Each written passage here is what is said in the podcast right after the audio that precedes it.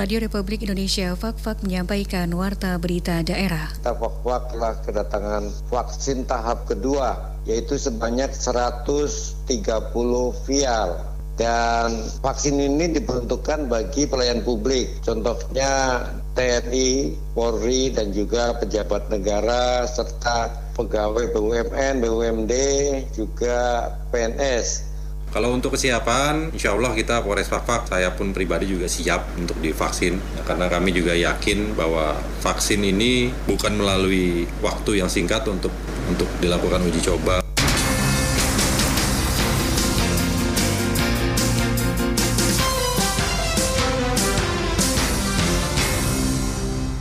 Selamat pagi, Sari Berita. Sebanyak 130 vial vaksin COVID-19 kemarin telah tiba di Fakfak menggunakan pesawat komersil Wings Air dan siap untuk disalurkan. 330 personil Polres Fakfak siap menerima vaksinasi COVID-19. Itulah berita utama edisi hari ini, Rabu 3 Maret 2021 bersama saya Siti Nur Aisyah.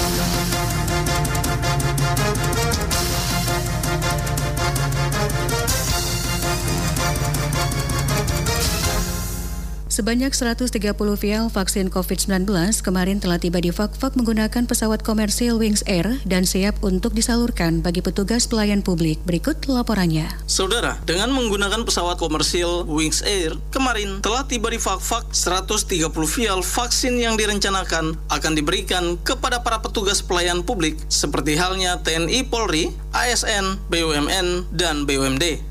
Kepala Dinas Kesehatan Gondo Suprapto menjelaskan jumlah dosis yang berada pada satu vial berjumlah 10 dosis atau diperuntukkan bagi 10 orang penerima. Dikatakan untuk dosis tahap pertama akan diberikan kepada 585 orang pelayan publik termasuk profesi wartawan.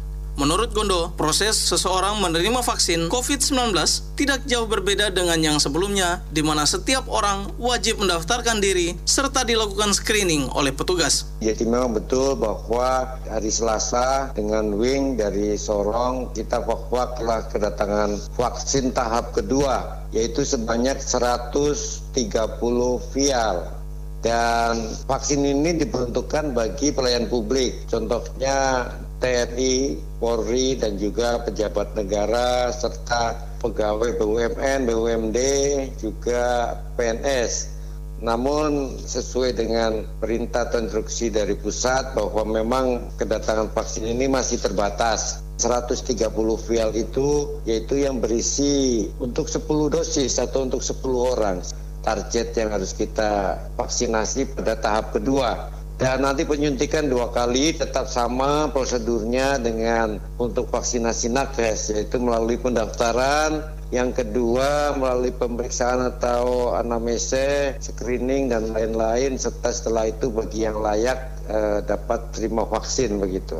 Lebih lanjut, Kondo menjelaskan vaksin berikutnya bagi petugas pelayan publik masih menunggu suplai dari pemerintah pusat yang disalurkan melalui pemerintah provinsi. Untuk berikutnya, pelayan publik yang lain sambil menunggu pengiriman vaksin berikutnya. Memang untuk yang ini tidak cukup. Mungkin bulan depan lagi ada tambahan lagi dari pusat atau dari provinsi terkait dengan stok vaksin yang ada. Gondo menerangkan sebanyak 585 penerima vaksin tahap kedua tersebut berasal dari 40 personil TNI AD, 4 personil TNI AL, 56 personil Polres, 100 orang pejabat pemerintah, 30 orang staf dan anggota DPRD, 20 orang tokoh agama, 20 orang tokoh masyarakat, 10 orang wartawan, 20 petugas bandara, 30 petugas pelabuhan, 20 petugas terminal perhubungan, 40 petugas bank dan kantor pos, 160 orang ASN maupun pegawai honorer,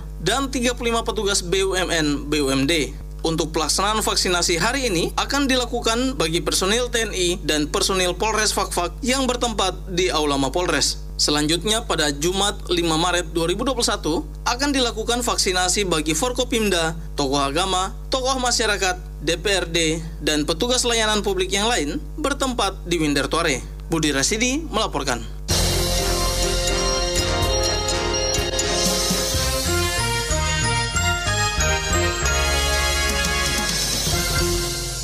Saudara, pelaksanaan vaksinasi COVID-19 yang telah dicanangkan pemerintah terus berlanjut seperti halnya yang akan dilaksanakan hari ini kepada personil TNI Polri. Kapolres Fakfak AKBP Ongki Isgunawan kepada RRI mengatakan, personil Polres Fakfak yang berjumlah 330 personil pada dasarnya siap menerima vaksinasi yang telah dicanangkan oleh pemerintah pusat yang juga telah diikuti oleh petinggi Polri. Dijelaskan, untuk termin pertama akan diberikan kepada 56 orang sesuai dosis yang diterima diterima, sedangkan 274 personil lainnya akan menunggu suplai tahap berikutnya. Menurut Kapolres, 56 personil yang akan menerima vaksin berasal dari satuan yang bersentuhan langsung dengan masyarakat seperti halnya satuan lalu lintas. Dari vaksin yang gelombang kedua ya yang yang mungkin sudah diterima dari provinsi maupun dari pusat kemudian dibagi ke beberapa instansi yang bersentuhan langsung dengan masyarakat. Ada TNI, kemudian juga ada dari Pelindo, kemudian ya termasuk juga salah satunya adalah Polri.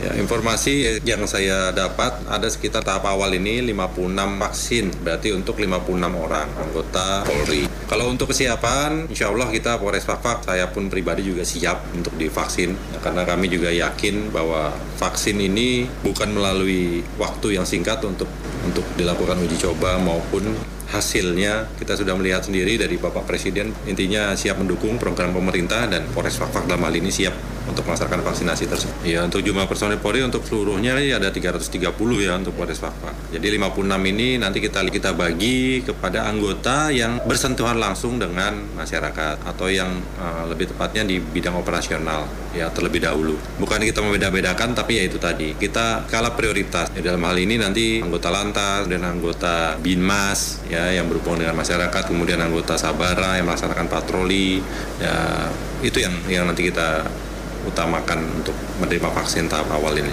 Lebih lanjut menurut Kapolres, bagi anggota yang belum menerima vaksin akan mengikuti pada gelombang kedua atau berikutnya dan pada intinya personil Polri siap untuk menerima vaksin.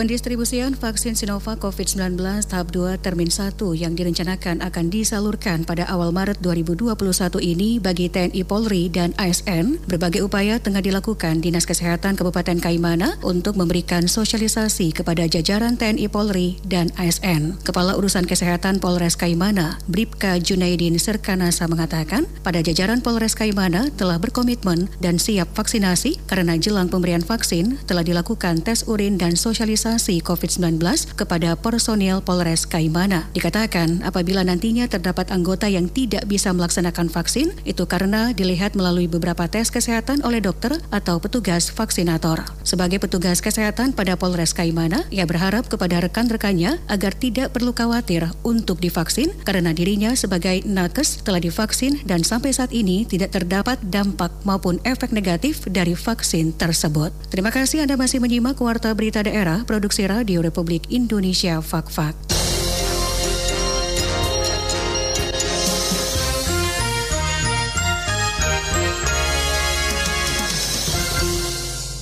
Program pelayanan dan sosialisasi kepada masyarakat merupakan agenda penting yang dilakukan oleh BPJS Ketenagakerjaan Kabupaten Fakfak di tahun 2021.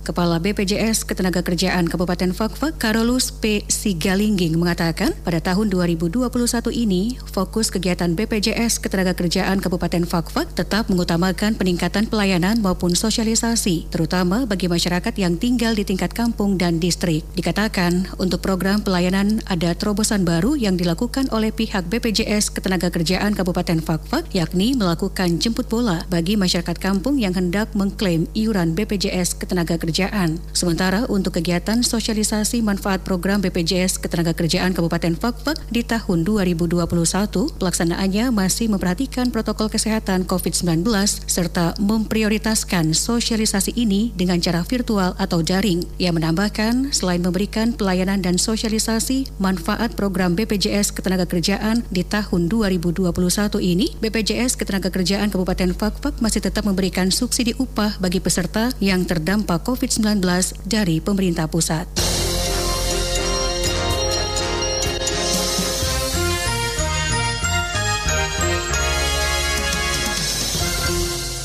Sebanyak 160 siswa-siswi SMK Yapis Fakfak selama tiga hari mengikuti uji kompetensi keahlian atau UKK yang berlangsung di sekolah tersebut. Uji kompetensi keahlian atau UKK merupakan bagian dari program pemerintah dalam menjamin mutu pendidikan pada suatu lembaga pendidikan sekolah menengah kejuruan. Pelaksanaan UKK dimaksudkan untuk mengukur pencapaian kompetensi siswa pada level tertentu sesuai kompetensi keahlian yang ditempuh selama masa pembelajaran di sekolah. Sehubungan dengan hal itu, SMK Yapis Fafak selama tiga hari melaksanakan uji kompetensi keahlian bagi 160 siswa-siswi kelas 12. Kepala SMK Yapis Fakfak Basyati menjelaskan pelaksanaan uji kompetensi keahlian SMK Yapis Fakfak di tahun 2021 berlangsung pada tanggal 2, 3, dan 4 bagi semua jurusan dengan tetap memperhatikan protokoler pencegahan COVID-19.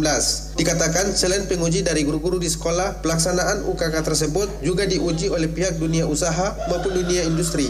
Tanggal 2, 3, dan 4 sampai dengan tanggal 4 untuk semua jurusan. Pelaksanaannya seperti yang lalu-lalu kita tetap berpedoman di panduan. Kemudian karena protokol covid untuk di lab itu kita tidak pakai full tapi kita pakai setengah-setengah. Dari satu lab misalnya tiga, satu lab muat 32 kita hanya ambil 15 atau 16 prosedur masuknya juga anak-anak ke ruangan semuanya mengikuti protokol covid dengan menjaga pengujinya masih tetap kita pakai yang dari Iduka dengan penguji internal dari sekolah. Ujian tahun ini kita di data awal memang 163 siswa, tapi kemudian dengan berjalannya waktu ini sisa 160 siswa yang ini akan melaksanakan ujian. Kemudian mata pelajaran yang diuji kalau UKK ini adalah mata pelajaran produktif kejuruan.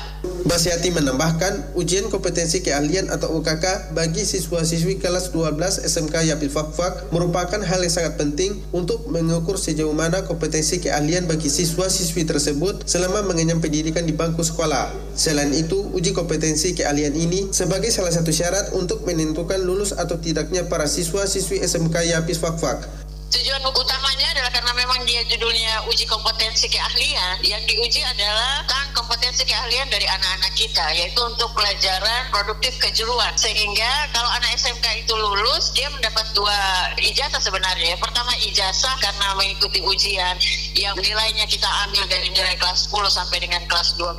Kemudian yang satunya lagi adalah sertifikat kompetensi keahlian yang tadi saya katakan ditandatangani oleh pihak Iduka. Jadi ada dua keistimewaan. Jadi UKK itu adalah merupakan satu proses ujian yang harus dilalui oleh siswa-siswa SMK dan kalau dia tidak lulus di uji kompetensi ini, uji kompetensi ini standar nilainya adalah 70 untuk bisa e, dinyatakan lulus. Kalau dia tidak lulus di UKK, dia tidak berhak memegang sertifikat uji kompetensi yang diberikan oleh IDUKA. Jadi harus lulus dengan nilai 70.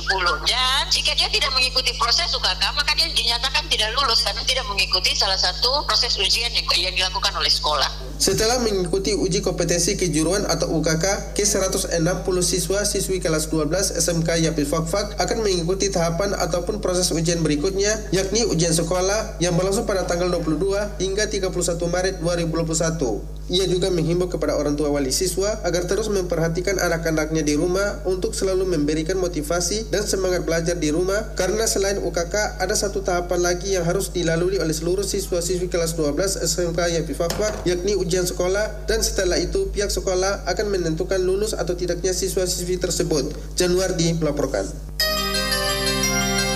Anda masih mendengarkan RRI Radio Tangga Bencana COVID-19. Saudara, program di bidang dakwah, pendidikan, dan SDM dan beberapa bidang-bidang lainnya merupakan program-program yang menjadi program kerja dari hasil raker pertama Yayasan Asalam Fakfak masa khidmat 2021-2025.